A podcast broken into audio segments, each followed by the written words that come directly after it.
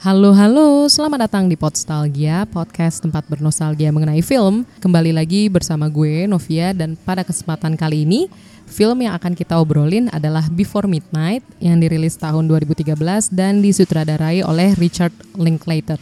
Yuk kita dengerin dulu cuplikan filmnya. Oh, we said we were gonna stop. They wanted to see the ruins. Yeah, but should we wake him up? You know what, let's do? On our way back to the airport, we can catch him. You know we won't. Yeah, probably not.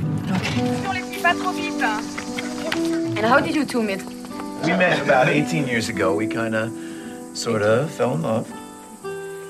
And a decade later, we ran into each other. No, no, no. You wrote a book, and I read about it and went to look for it. Oh, that's pretty romantic.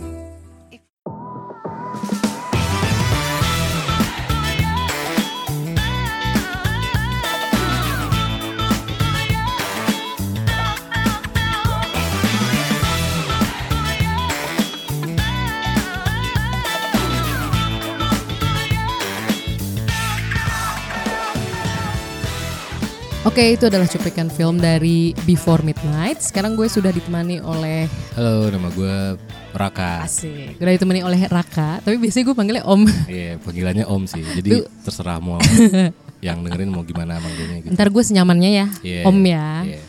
Jadi Raka dulu kita kuliah bareng ya. Oke, iya, Cuma benar, beda benar, angkatan gitu. Satu Terus jurusan. Iya satu jurusan betul. Nah gue langsung mau nanya nih, kenapa sih lo pilih film uh, Before Midnight ini?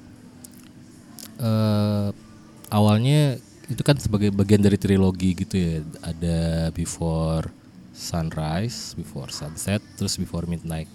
Gue tuh pertama kali nonton yang Before Sunrise yang eh, nyeritain soal pertemuan awal mereka gitu kan. Eh, terus karena penasaran kepo dan tahu ternyata ada ada triloginya akhirnya gue nonton semua dan favorit gue sih di antara yang tiga itu Before Midnight.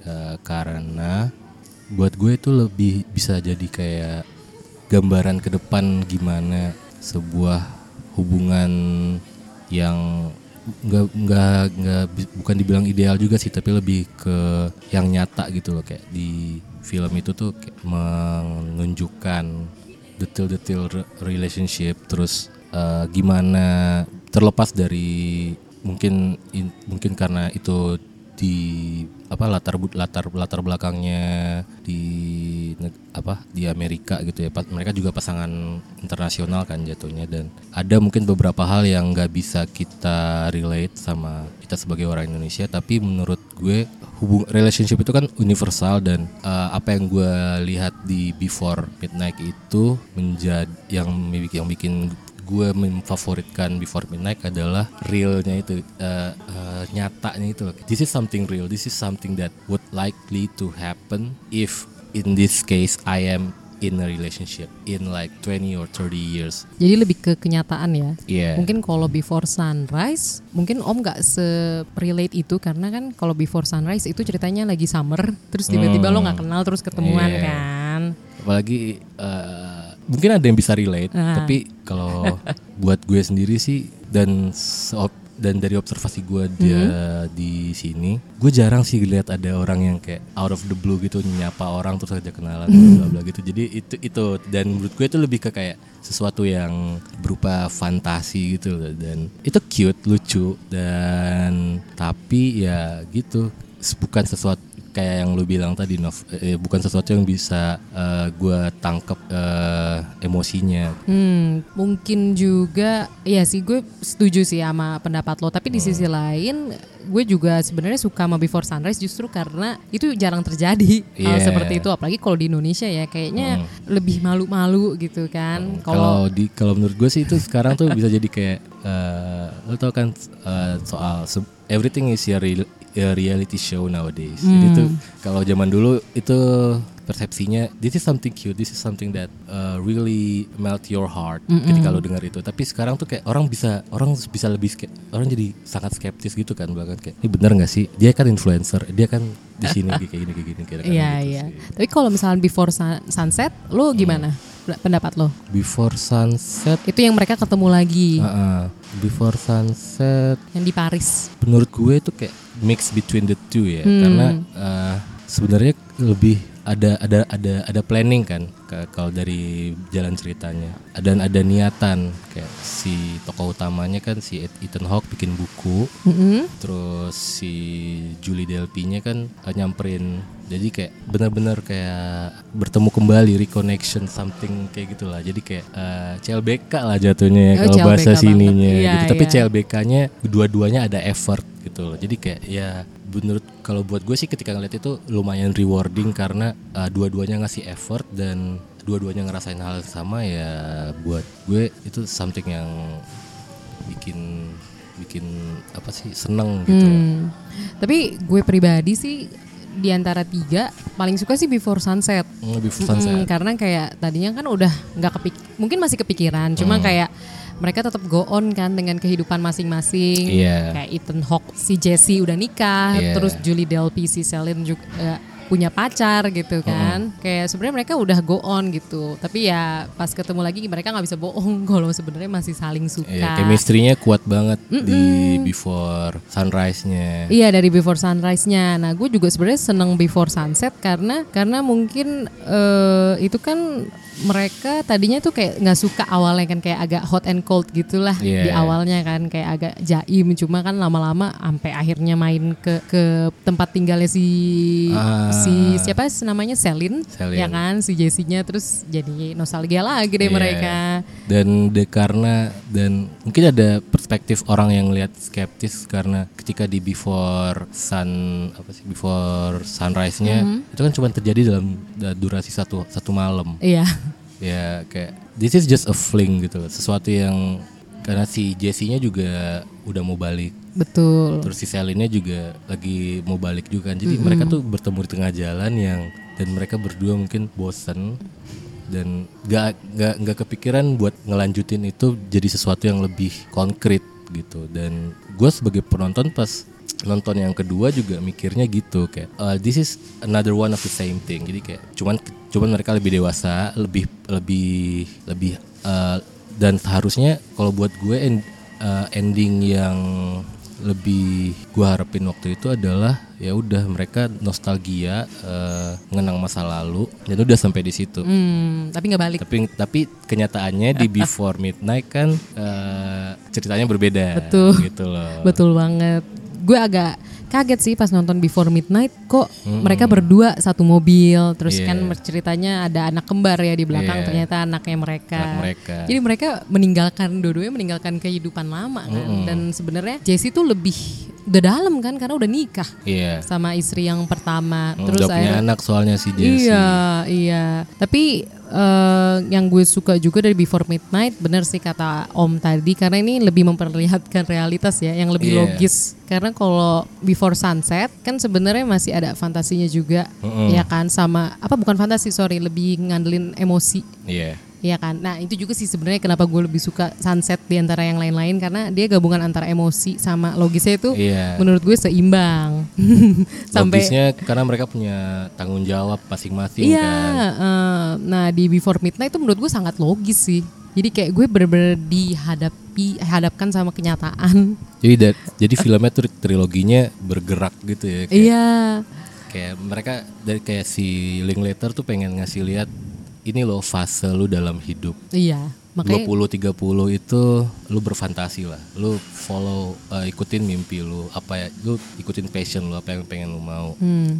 Bikin kesa ya kayak kayak yang dan ini benar-benar kayak fase American Dream sih sebenarnya. oh, Ya kan kalau kalau gue sih mikirnya gitu Ah. kayak eh, ikutin mimpi lu, ikutin Hmm. eh, lakuin apa yang lu mau dan nanti tapi lu harus tahu ada fase di mana lu harus settle, lu harus eh, jadi orang yang lebih bertanggung jawab. Dan di situ di situ masanya before eh, sunset. Karena dari latar belakang kedua tokonya si Jesse sama Celine juga kan me- mereka udah bukan seperti bukan jatuhnya bukan 20 something lagi kan. Dan apalagi si Jesse udah nikah dan si Celine juga sebenarnya kayaknya sampai si Jesse ngerilis buku dia dia ya udahlah gitu dia kan kayak di, di situ kan diceritain kenapa eh, mereka mereka kan kalau nggak salah janjian buat ketemu lagi tapi nggak kesampaian kan Iya, Nah. karena kalau nggak salah neneknya atau tantenya Selin tuh meninggal. neneknya sih kalau nggak salah Iya, tapi mereka kan mereka juga bodoh sih nggak nuker alamat, nggak nuker telepon kayak percaya itulah percaya itu yang bikin itu yang bikin penonton kesel ya kesel banget kenapa sih? Aduh, gitu. Nah, di dan di dan di Before Midnight-nya everything is real. Jadi ada yang ada di situ tuh kayak gue gue tuh yang bisa relate itu adalah waktu si Jesse-nya pasif agresif. Hmm, Tahu nggak lo? yang di kamar hotel bukan? Bukan, yang di mobil. Ini masih di awal nih. Oh, yang masih Kayak di scene, awal. Scene 3 deh jatuhnya itu ya. Yang Scene 1 kan dia sama anaknya. Mm, Terus yang di airport di kan. airport. Scene 2 eh scene 2 ya? Scene 2 Kayaknya scene 2 ada yang udah mulai di mobil kan? Iya di Nah, mobil yang kayak eh, dia dia bilang kalau dia pengen deket sama anaknya sama si Henry. Oh, gue inget yang ketika Iya. si Selin tuh bilang dia dapat pekerjaan di salah satu pemerintah Prancis Iya. gitu kan. Eh, kan intinya situ pekerjaan yang diinginin sama si Selin. Betul. Tapi si Jesse si Jesse itu kayak nge si Jesse sih alasannya I'm just throwing it out out there. Jadi kayak jadi dia pengen tahu reaksinya reaksinya Selin kan. Jadi kayak mungkin mungkin nggak nggak bener-bener pasif agresif tapi yang gua tangkap sih itu dan menurut gua waktu itu pas gua setelah gua nonton lagi eh, Jesse tuh kayak rada bangsat kayak gitu gitu loh kayak lu ngomong aja sih Iya, gitu. iya, lu iya, udah iya. menikah berapa tahun? Udah punya anak kan, Udah Bali. punya anak. Kayak udah lebih dari balita ya. Iya. Udah gede Ah, kan. mereka harus harusnya 8 sampai 10 tahun lah dan menurut gua kayak kalau dibuat kalau buat gua, gue mikirnya Nov kayak ketika kalau udah selama itu barengan, komunikasi tuh bukan harusnya bukan sebuah masalah gitu kan. Tapi di satu sisi gue juga ngerti kayak eh, bu- bukan ngerti tapi di satu sisi gue juga nggak paham. Ini bu- apa eh, banyak kan orang tuh ini kan belum pernah nikah. Eh buat orang yang belum nikah pasti nggak bakal paham maksud gue gitu loh. Ini ada uru, ada hubungannya sama anak dan mereka tuh harus pindah kota logistiknya itu dan eh, kalau gue yang bisa relate tuh adalah logistik pindah kota buat kerjaan. Hmm. Eh, kayak misalnya sekarang sekarang membayangin kalau lu nyaman di suatu tempat nyaman dengan kerjaan lu Eh, terus jangan jangan harus karena relationship deh misalnya lu pengen dipindah tugasin dari kantor dari kantor aja gitu kan. Lu pasti mikirnya panjang banget. Kayak di gue dipindah tugasin pindah kota tapi eh, gaji naik segala macam eh, privilege-nya naik. Tapi gue udah nyaman di sini teman-teman gue di sini segala macam kayak begitu gitu Ya, kalau buat gue yang bisa gue relate sih itu sih. Itu ya gue ngerti kenapa waktu itu si Selinnya marah sih jatuh gue kan. Dia kan bilang gue nggak mau ke Chicago gue mau pindah tadi Iya jadi dan itu konfliknya jadi dan di satu sisi gue ngerti eh, hasratnya si eh, Jesse buat deket sama anaknya gitu loh. Karena daddy daddy issues itu kan masalah yang cukup eh, big- cukup mempengaruhi perkembangan seorang anak apalagi di Amerika gitu kan banyak ya sebenarnya hal-hal yang apa bisa di kita lihat ya fenomena yang dari konflik mereka dan gue menarik sih eh, gue tertarik sama pak pendapat lo yang ngomongin ini kayak fasenya American Dream Iya, trilogi ini iya. gue setuju sih karena karena apalagi Jesse tuh orang Amerika kan Ah, ah. kayak si Celine atau Julie tuh kayak dreamnya Iya. Terus eh, si Celine itu juga kayak kayak apa ya? Bener kata lu dream dan sesuatu yang an- asing. Iya. Jadi kayak ada ada sisi lain dari eh, dreamnya itu gitu. Betul, betul. Walaupun misalkan American Dream kan biasanya orang eh, dari negara lain ya, imigran gitu kan. Dia ingin mencapai sesuatu atau mimpinya dengan cara American. Yeah. Makanya namanya American Dream. Cuma di sini si Jesse dari awal Before Sunrise tuh kayak dia ketemu orang, kayak ketemu passion ya mungkin ya atau mimpinya dia. Terus di Before Sunset dia tetap dia mungkin agak meninggalkan mimpinya gitu kan. Cuma tetap dijalankan karena kan dia nulis bukunya berdasarkan kisah dia sama Iya, si dia dia masih Celine. hangover sama pertemuan dia sama, sama si Celine gitu Bahkan kan. di bukunya tuh kalau gue nggak salah inget dia kan tetap nambahin fantasi-fantasi lain kan. Iya. Kayak yang sebenarnya nggak kejadian dia tulis gitu. Sampai akhirnya Before Midnight tercapai dreamnya. Iya. Tapi karena namanya dream kan sebenarnya cuma dream. Kalau kenyataan kan pasti ada Berbeda. hal-hal lain. Makanya kayak itu yang ditampilin banget. di eh, Before Midnight banyakan kalau menurut gue sih. Banyak banget. Nah, tapi kalau menurut lo yang paling menarik di adegan yang ada di Before Midnight ini apa sih? Yang lo mungkin inget banget gitu. Buat kalau adegan yang paling menarik sih pas mereka eh, berantem di hotel ya. Sama. itu itu buat gue tuh antara absurd sama terlalu nyata gitu loh. Kayak fat eh, gimana ya kayak temperatur temperat temperaturnya itu naik turnya cepet banget. Mereka nyampe di hotel, terus mereka kayak mulai sexy time.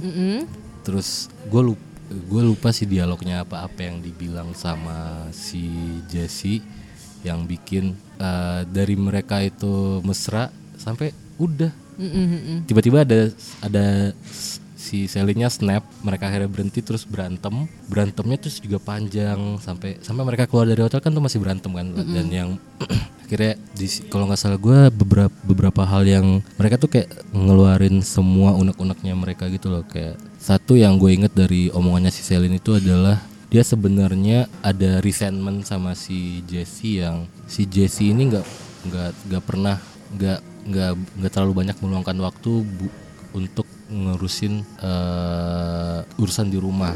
Di kayak Selin ngerasa dia yang selalu ngurusin eh, apa-apa semuanya. Anak kayak si Jesse itu ada ke, ada tanggung jawab tapi kayak cuman sebagian kecil yang nggak sebanding sama si Selin dan keluar di situ terus apalagi ya ada sih cuman Gue ingetnya itu kan kalau nggak salah si Jesse itu paling suka tuh bagian payudaranya si se- si Selin. Selin. Selin tuh kayak komplain, lu cuma bagian payudara Oh doang. iya, dia si, Selin bilang, Iya, iya. gua gua hafal cara lu. Iya. Itu juga lucu sih. Iya iya. Kisi-kisi. Soalnya kan inget emang gak sih catchphrase Iya, iya, gitu iya. tuh itu, wah gua ngakak sih pas ya gitu tuh kayak eh, sama kayak jadi kayak si Selin tuh oh pas di mobil juga Hmm. pas di mobil tuh juga kayak gitu loh pas. Waktu mereka si Jesse kayak eh, kayak pelan-pelan kayak flirting flirting sama si Selin kan. Terus si Selinnya komentar gini oh I'm in love with a with an American American teenager. Jadi kayak jadi kayak dan gimana ya somehow gue ngerasa ketika gue nonton lagi eh apa yang eh, dialognya Selin itu kayak emang kayak dari kayak da- dari tokoh dari penokohan si Jesse-nya itu emang salah satu trait yang trait utamanya. Itu yang kayak yang bikin bikin karakter si Jesse itu menurut gue compelling menarik gitu. Dia kayak kayak ya udah gitu loh kayak eh, kayak kalau kasarnya tuh antara YOLO sih YOLO sih YOLO kan makanya dibilang American teenager juga Ah, ya. American Teenager. Terus abis itu dia juga ini kan pas di pas dia adegan makan makan siang ya itu ya apa- makan malam sebenarnya Yang mulai akhir ya? nggak pas di tengah-tengah Oh, pas yang pas tengah-tengah.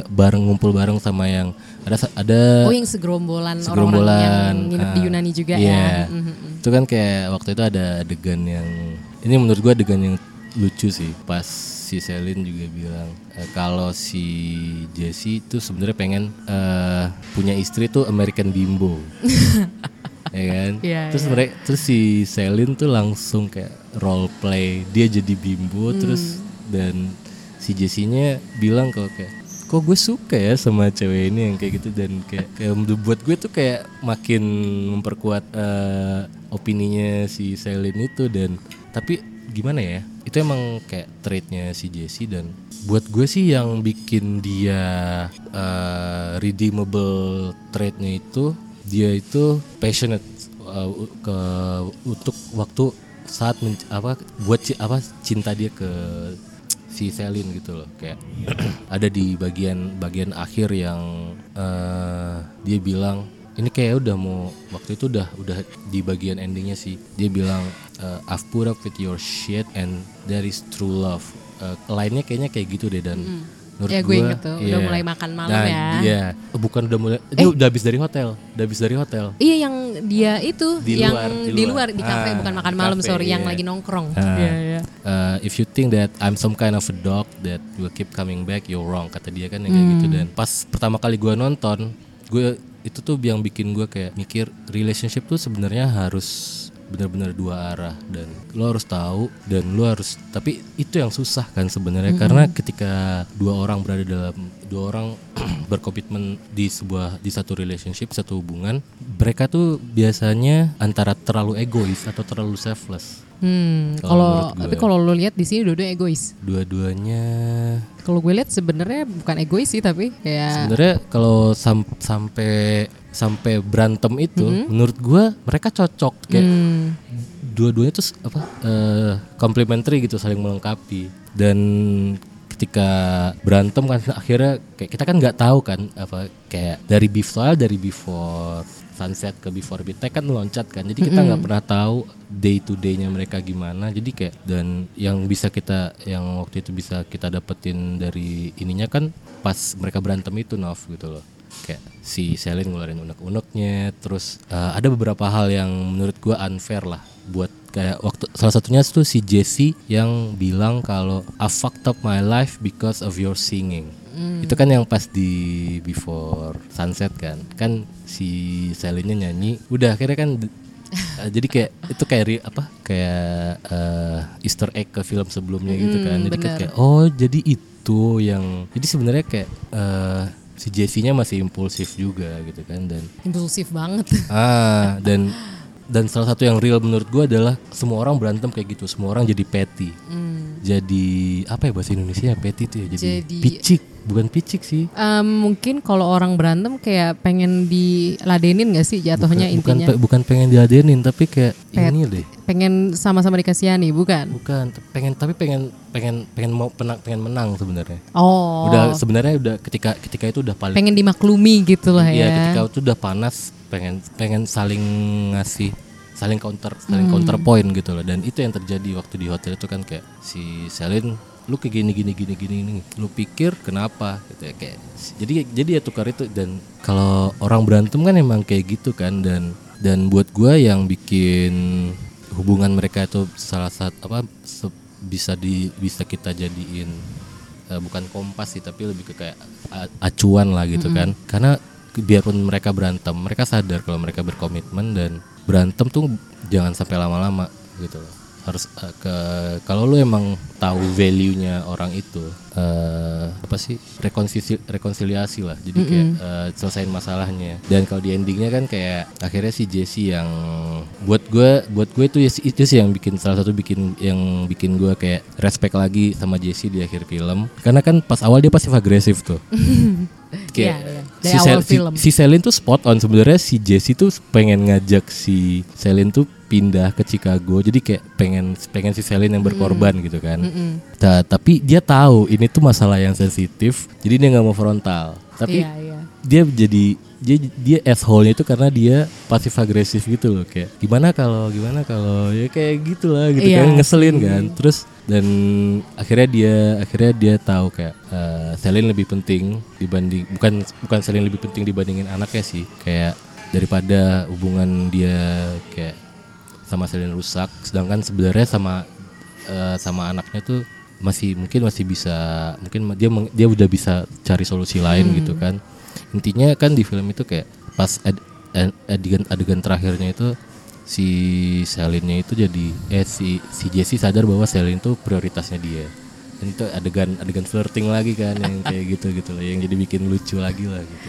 Kayaknya tapi sebenarnya ya menurut gue dua tokoh itu sih agak pasif agresif sih. Dua-duanya maksudnya dua-duanya itu sama-sama merangkul stereotip Amerika sama Prancis sebenarnya kan kalau ngomong mereka kan nggak to the point Hmm, sebenarnya ya. Kayak eh, apa lewat pertanyaan gitu loh dibangun dari pertanyaan dulu. Jadi nggak langsung kayak gue langsung gue ini nih mau ke Chicago bla bla bla bla gitu. Tapi kan Iya. ada pertanyaan dulu kira-kira kalau bla bla bla gitu kan. Dan sebenarnya gue nggak tahu sih cuman kayak tapi kebanyakan emang kayak gitu sih kalau misalnya kita sama sama teman juga kan kayak iya sih sebenarnya. Gue mau ke sini nih lu mau ikut gak? Jarak eh, unless uh, uh, kalau lu nggak deket banget sama orangnya mungkin tapi permasalahannya mereka tuh suami istri gitu Iya, iya, Mereka- itu. jadi kayak harusnya itu tuh bukan suatu halangan Betul. gitu loh gak sih? Tapi kayak Bener, maksudnya kayak kadang kalau kan apalagi mereka tuh udah berpisah lama gitu loh kayak apalagi sih sebenarnya nothing tulus kalau mau jujur juga atau mungkin mereka terlalu takut kali ya buat kehilangan hubungan ini Iya. kayak udah nggak bisa lagi lah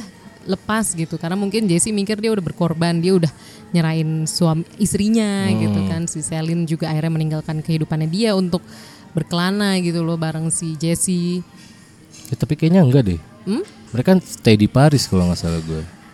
Jadi kayak sebenarnya bukan bukan bukan benar atau salah sih, tapi Hmm. lebih ke kayak si Jesse tuh ngerasa kayak dia entitled karena dia yang pindah ke Paris. Hmm, Gitu mungkin ya jadi kayak lebih Ah. superior dalam argumen ini Iya. kayak gue udah nurutin lo lo harus Iya, nurutin lu harus gue coba lu lu nurutin gua dong sekali Iya, ini iya, gitu lah iya, yang iya. kayak gitulah. iya sih Dan- mungkin ya itu itu salah satu masalah juga kan kalau misalnya eh, kita ada kita pacaran atau nikah sama orang. Kadang-kadang keinginan kita untuk hitung-hitungan tuh tetap selalu ada gitu kan ya enggak sih? Kayak iya sih. maksudnya hitung-hitungannya bukan dalam soal hal kecil tapi hal-hal yang lebih prinsip sebenarnya gitu. Itu yang yang pengen dikasih lihat juga sih kalau menurut gue sama dari justru malah makin karena udah deket lama-lama dia lupa effort sebelumnya jadi take it for granted gitu Iya ya. itu juga Iya, yang kayak jangan sampai jangan sampai lupa lah. Jadi kayak gimana ya? Tapi tapi itu sih efek dari nyaman sama orang itu Hmm. gitu sih. Jadi kayak ada ada sesuatu yang harus lo korbanin tapi lu tanpa sadar ngorbanin itu gitu. Karena afeksi lu karena keinginan lu untuk bersama si orang ini dan menyenangkan bikin orang ini senang gitu.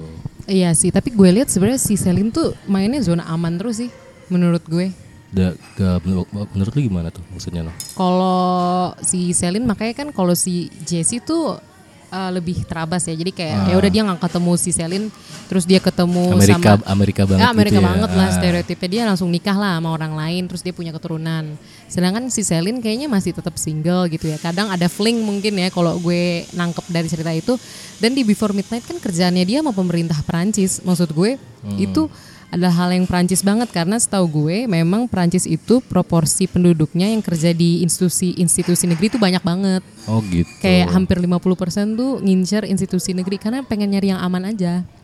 Sedangkan kan kalau di Amerika tuh banyak entrepreneur atau banyak Iya. bikin usaha-usaha kecil gitu Gue loh. Ya. miss dulu nih berarti pas matkulnya nih gue nggak nggak soalnya. Enggak enggak ini gue iseng aja nyari pas itu kayak oh gue baru tahu kalau misalkan banyak banget ternyata pemudi pemuda-pemudi Prancis tuh yang ngincer kerja jadi PNS. Iya.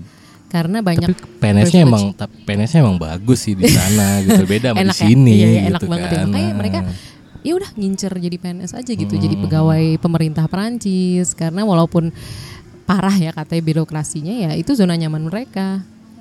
Iya iya. iya. Dan maksudnya di Perancis aja kan pengangguran juga ada ada santunannya kan kayak di Iya. film Untouchable itu kan Iya mereka dan mereka mau nyari kerja dibantuin. Mm-mm, bener-bener banget. Gitu. Jadi kayak Coba kalau di sini kayak gitu ya. Iya, makanya kayak sebenarnya Celine tuh zona aman banget kan, tetap di Ah. Paris ya kan. Terus kerjaannya juga yang pemerintah Prancis, Hmm. yang menurut gue meskipun mungkin dia juga susah juga, tapi kan ya namanya juga kerja pemerintah gitu. Biasanya kan memang tidak se terlalu menantang gitu loh. Iya iya. Dan kayaknya Nah kalau si Jessie kan udah penulis, terus dia mau tinggal di Paris gitu kan. Iya. Bahkan dia sebelum Sebenarnya kayak kalau misalnya orang-orang awam ngelihat Jesse is living the dream gitu kan ya enggak sih? Iya sih. Nah, terus liburan ke Yunani gitu kan, terus dia temenan sama sama penulis, sama ke Betul. orang kreatif gitu. Betul, dia bahkan ninggalin istrinya gitu loh. Iya. Buat sama si Selin itu menurut gue kayak wah ini bener kata lo yolo banget. Iya.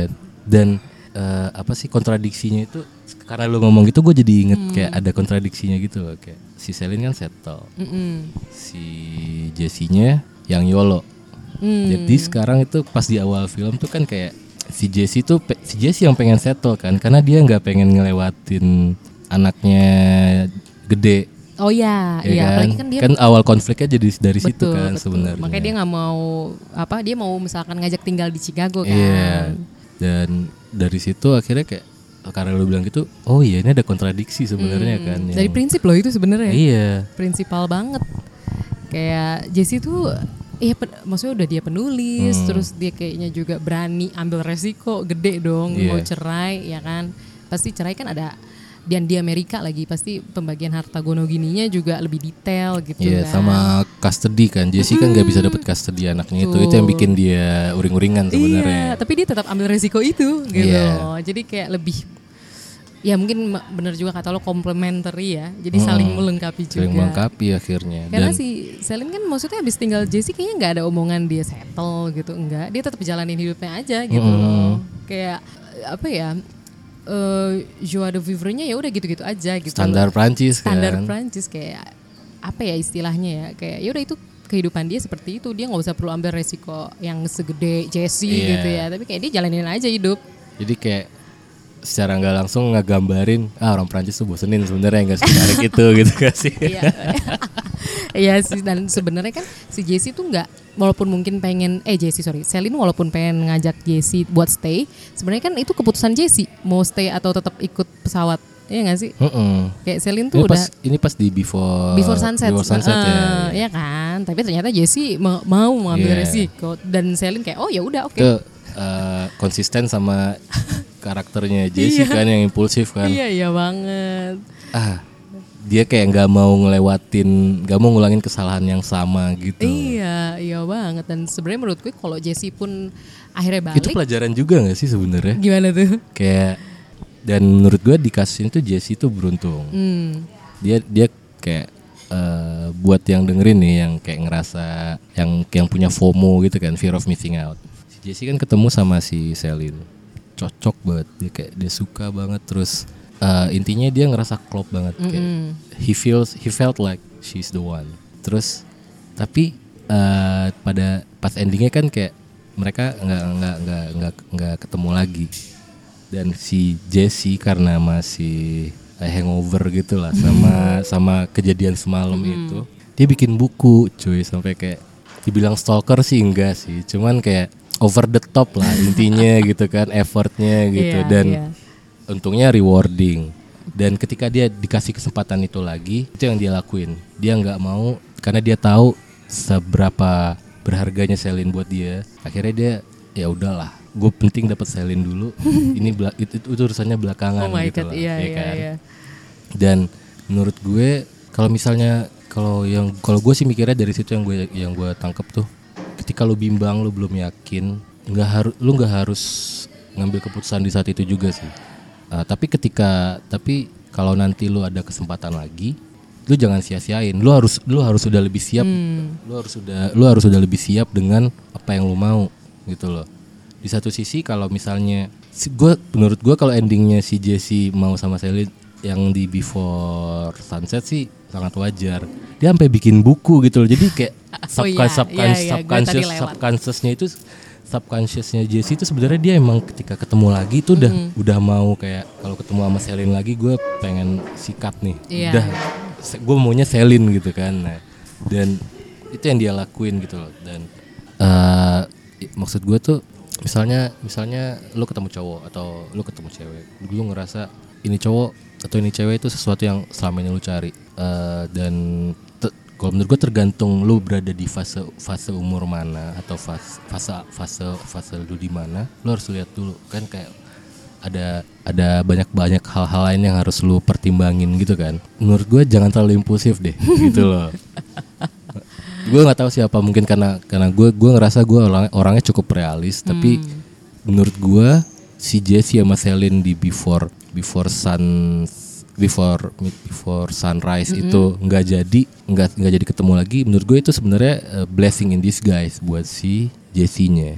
Oh. Karena akhirnya dia tahu kan kayak oke Selin nih yang uh, jadi yang- enggak ya? Iya. karena hilang kan biasanya orang gitu kalau hilang Ah, jadi ah, nge baru nge baru oh iya gue pengennya si ini Hmm, tapi yang dari tapi dari cerita lo tadi gue sih makin memperkukuh ya kalau si Jesse ini bener-bener tipe American yang Iya. entrepreneurial gitu loh yang Ah, ah. berani ambil resiko jalan dulu nanti dulu deh Ini soal resiko belakangan. misalnya kayak gue ambil utang dulu gue bodo amat nanti gimana bayarnya dan sebagainya macam pokoknya gue ambil dulu gitu mungkin biar apa namanya buat investasi gitu Iya, sangat in the moment mereka. I- iya, in the moment. Tapi secara nggak langsung sebenarnya dia juga mikirin masa depan sih. Hmm, Walaupun- tapi nggak sedetail itu Iya, gitu kan. iya banget, iya banget.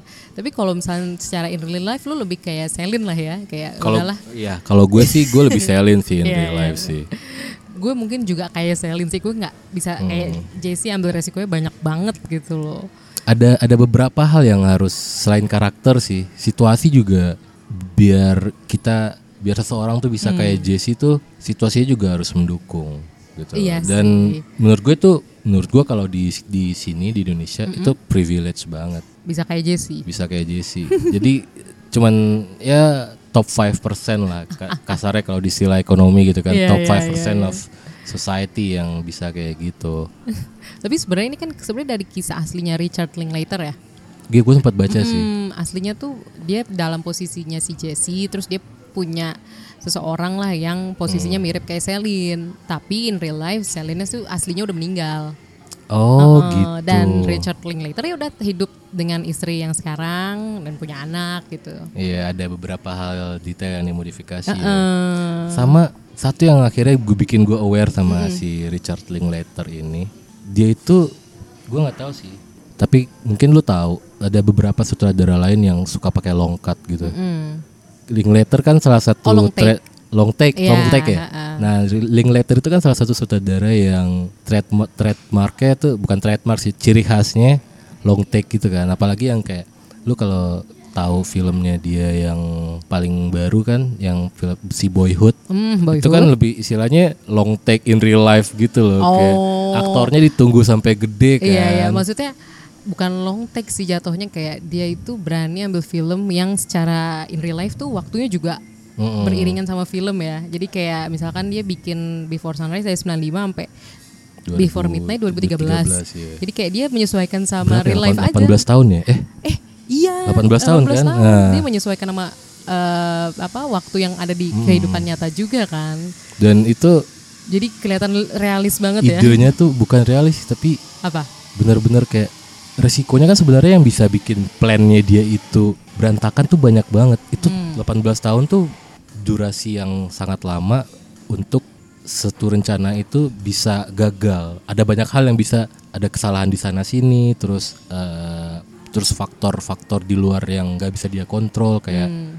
aktor sama aktrisnya juga belum tentu salah sampai nanti itu bakal satu bakal tetap mau jadi lead aktor dan lead aktris gitu kan terus storynya pasti bisa dia kontrol kan terus apalagi ya misalnya kayak Ya sebenarnya takdir sih, entah takdir usianya. atau mungkin karena atau emang dari enggak. dari pertama si si Julie Delpy sama Ethan Hawke-nya udah on board sama uh, idenya Linklater itu kan mungkin uh, atau mungkin Richard Linklaternya juga cara dia berkomunikasi sama aktor sama aktrisnya tuh juga baik sih. Iya. jadi kayak dia tetap keep up gitu loh. Soalnya kayak seinget gue kalau misalkan Boyhood tuh kayak setahun sekali dia kayak ada acara ngumpul hmm, gitu loh. Entah sekalian syuting atau cuma ngumpul doang tapi kayak tetap bonding gitu loh. Jadi kayak jatuhnya kayak family business sih kalau gue Iya, lihat ya. iya. walaupun nggak sedarah gitu. Hmm. jadi itu menurut gue juga bener kata lo tapi bukan long take atau long cut sih ya pokoknya intinya film yang Long- jaraknya apa sih long long game long run lah ya long, Iya, game, long long game. run gitu karena mungkin dia satu emang visinya gitu dua cara dia buat eh, ngumpulin pemain terus eh, ngerangkai rencana jangka panjangnya bagus gitu sih. tools tools dia buat naratif toolsnya dia tuh durasi gitu ya kayaknya. Iya kayaknya iya deh dalam maksudnya nggak bisa singkat doang gitu Film ya. dia yang lain apa sih gue gue nggak terlalu ini sih. Yang sebenarnya yang paling tenar sih ya dua itu Dua sih. itu ya. Eh, maksudnya eh, si The Before Trilogy sama Iya. si Boyhood ini. Cuma Gue lumayan gue lumayan sutra apa eh, ngelihat kalau nonton film tuh berdasar- berdasarkan sutradara juga sih. ah iya iya. Jadi Dia biasanya biasanya kalau misalnya gue suka satu sutradara nah, tapi gue tapi gue nggak terlalu hafal dia mungkin karena dia juga jarang nggak sebanyak itu nggak ya seproduktif bikinnya. itu kali Mm-mm, ya. Dia tuh bikin School of Rock Oh, School of Rock itu iya iya iya. sama Days and Confused juga ada film tahun Oh, 90. itu gue suka banget sih. Oh iya, itu, itu gue suka banget yang bikin film itu. juga. Iya. Dan mungkin itu elaborate juga. oh, kayak iya iya masih masih kalau buat gua sih Oke, itu gue masih masih bisa nangkep karena Hmm. apa ciri khasnya dia. Jason Confused kan elaborate banget staging segala macam productionnya itu detail banget Detail juga kan. ya. sama itu dia. iya. Oh sama gua kemarin itu juga baru baca iseng-iseng kan baca artikel karena mau ngomongin uh, Before Midnight. Jadi kayak ada wawancara gitu sama Julie, Del- Julie Delphi-nya sama uh, si Ethan Hawke. Sebenarnya dari awal lu tahu kan kalau lu nonton kalau si long take itu kayak kelihatan banget di tiga tiga tiga film ini. Hmm. Apalagi kan mereka Dan- ngobrol terus iya. kayak kameranya Buat gua, ah, still. Kalau buat gue juga hal yang bikin gue suka itu adalah obrolannya itu loh. Obrolannya tuh berasa kayak ya udah kita denger orang ngobrol. Iya, iya, Tapi terencana dan di satu sisi di satu sisi tuh berisi. Dan kerasa natural juga sebenarnya. Iya, natural kesannya naturalnya itu. Nah, pas yang waktu itu gue baca ternyata si Ethan Hawke sama Julie Delpy-nya ikut nulis sebenarnya. Hmm. Jadi kayak yang gue tangkap dari wawancara itu sih feeling letter tuh ngasih ini yang bakal kejadian kayak garis besarnya dan dia dia dia udah punya skrip kayak gitu-gitu. Tapi on eh, tapi si mereka berdua ini tetap dibawa dalam proses brainstorming dan eh, dialog-dialog itu yang dialog-dialognya itu eh, sebagian besar eh, kontribusi mereka gitu loh. Tapi di befo- kalau waktu itu kalau gua nggak salah di Before Sunset sama Before Sunrise mereka nggak dikredit sebagai writer. Hmm. Tapi tapi di Before Midnight akhirnya mereka dikredit Akhirnya, sebagai ya. writer gitu loh dan menurut gua wajar sih kalau yang akhirnya gue tahu kayak ini toh yang bikin flow-nya tuh enak gitu loh kayak apalagi pas di Before Midnight tuh kayak berantemnya tuh kayak real bu- bukan real tapi kayak ya udah kayak eh, snapnya apa kayak tiba-tiba tiba-tiba tiba-tiba dari yang kayak yang kayak di hot yang di kamar hotel tiba-tiba dari mesra banget terus marah. Tuh, terus eh, pas di ada detail-detail detail detail-detail kecil kayak pas di mobil si Jessie-nya lapar terus eh, apel anaknya diambilin. Kayak gitu kan yang iseng-isengnya Iya, orang iya. tua gitu kan. Terus kayak eh apalagi ya detail-detail detail kecil yang pas dialognya itu kayak pas di kamar hotel tuh oh kalau pas terakhir tuh dia bikin kayak kayak apa sih yang role play yang dia dari masa depan kayak gitu kayak kita kayak ngelihat pasangan beneran gitu loh. Maksud gue kayak ada beberapa hal yang sangat personal yang nggak semua orang bisa relate tapi itu masuk akal yang kayak gitu loh. Maksud gue yang bikin gue suka sama si Before Midnight ini Ah, oke. Jadi kalau gue bisa bilang ya, maksudnya lo suka film ini karena lebih realistik ya daripada Hmm. dua film sebelumnya yang masih apa terbawa emosi banget gitu, terbawa film feeling dua atau film fantasi. sebelumnya Dua menurut gue juga cukup realistis Mm. Tapi maksudnya kan apa yang terjadi tuh nggak nggak se apa ya tidak se daily life yang bagian Yeah, Before Midnight uh-uh. ini mungkin ya. Yeah. Jadi kayak lo bisa relate dengan Before Midnight tuh dengan berbagai sisi gitu. Karena mungkin Yeah. kalau yang pertama kayak Summer Fling gitu kan kayak agak sulit ya kalau di Indonesia ya. sama buat gue be- before kayak yang kayak dari kayak pas awal-awal gue sempat nyentuh sih cuman nggak terlalu ini Before Midnight ini bisa lo jadiin case study gitu. Hmm, dalam berbagai hal ya. bukan Ada apa? kalau kalau lu mau nikah Oh, gitu kira loh dalam berbagai gua. hal. Ah, Iya iya iya. bisa sih dalam berbagai hal kayaknya tapi Lebih spesifik. tapi lebih spesifik di konteks orang yang udah Hmm. nikah gitu loh kayak menurut gue itu tuh yang eh, buat gue salah satu apa eh, selain dialognya dan eh, long take-nya itu latarnya lat, bukan latar sih kayak latar hubungannya itu loh maksud gue kayak dinamika hubungan Hmm. mereka itu yang buat gue eh, film itu jadi kayak in a way ngerubah opini gue sih tentang relationship waktu eh, ketika pas gue nonton film itu this is this is how it's supposed to be gitu loh yang kayak makanya jadi akhirnya tuh kayak agak curhat dikit sih Hmm. jadi kayak susah gitu nyari cewek yang pas gitu loh Yang dream banget gitu Iya, ya. nggak harus dreamy Oh, tapi lebih kayak realistis dan Ah, bahkan ya realistis saya susah gitu Iya. ini dream kan kalau di trilogi ini dream yang mimpi yang berubah jadi nyata gitu kan dan ketika nyata ya senyata itu gitu bener loh. bener bener udah dreamnya udah hilang gitu kan Hmm, fase dreamnya udah lewat.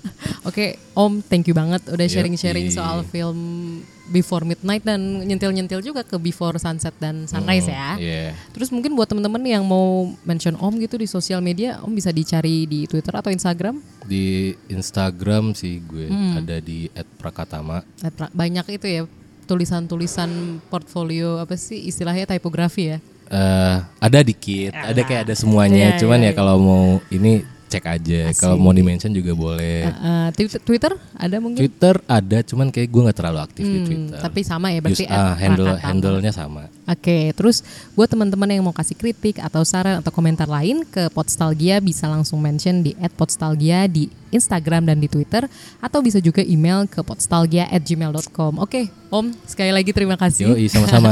Thank you, no. Asik, gue jadi pengen nonton lagi ya tiga-tiganya. Iya, tiga-tiganya maraton dong. Yoi. Dan terima kasih buat teman-teman Podstalgia yang sudah mendengarkan hingga titik ini dan sampai jumpa di episode selanjutnya. Bye bye. Dadah.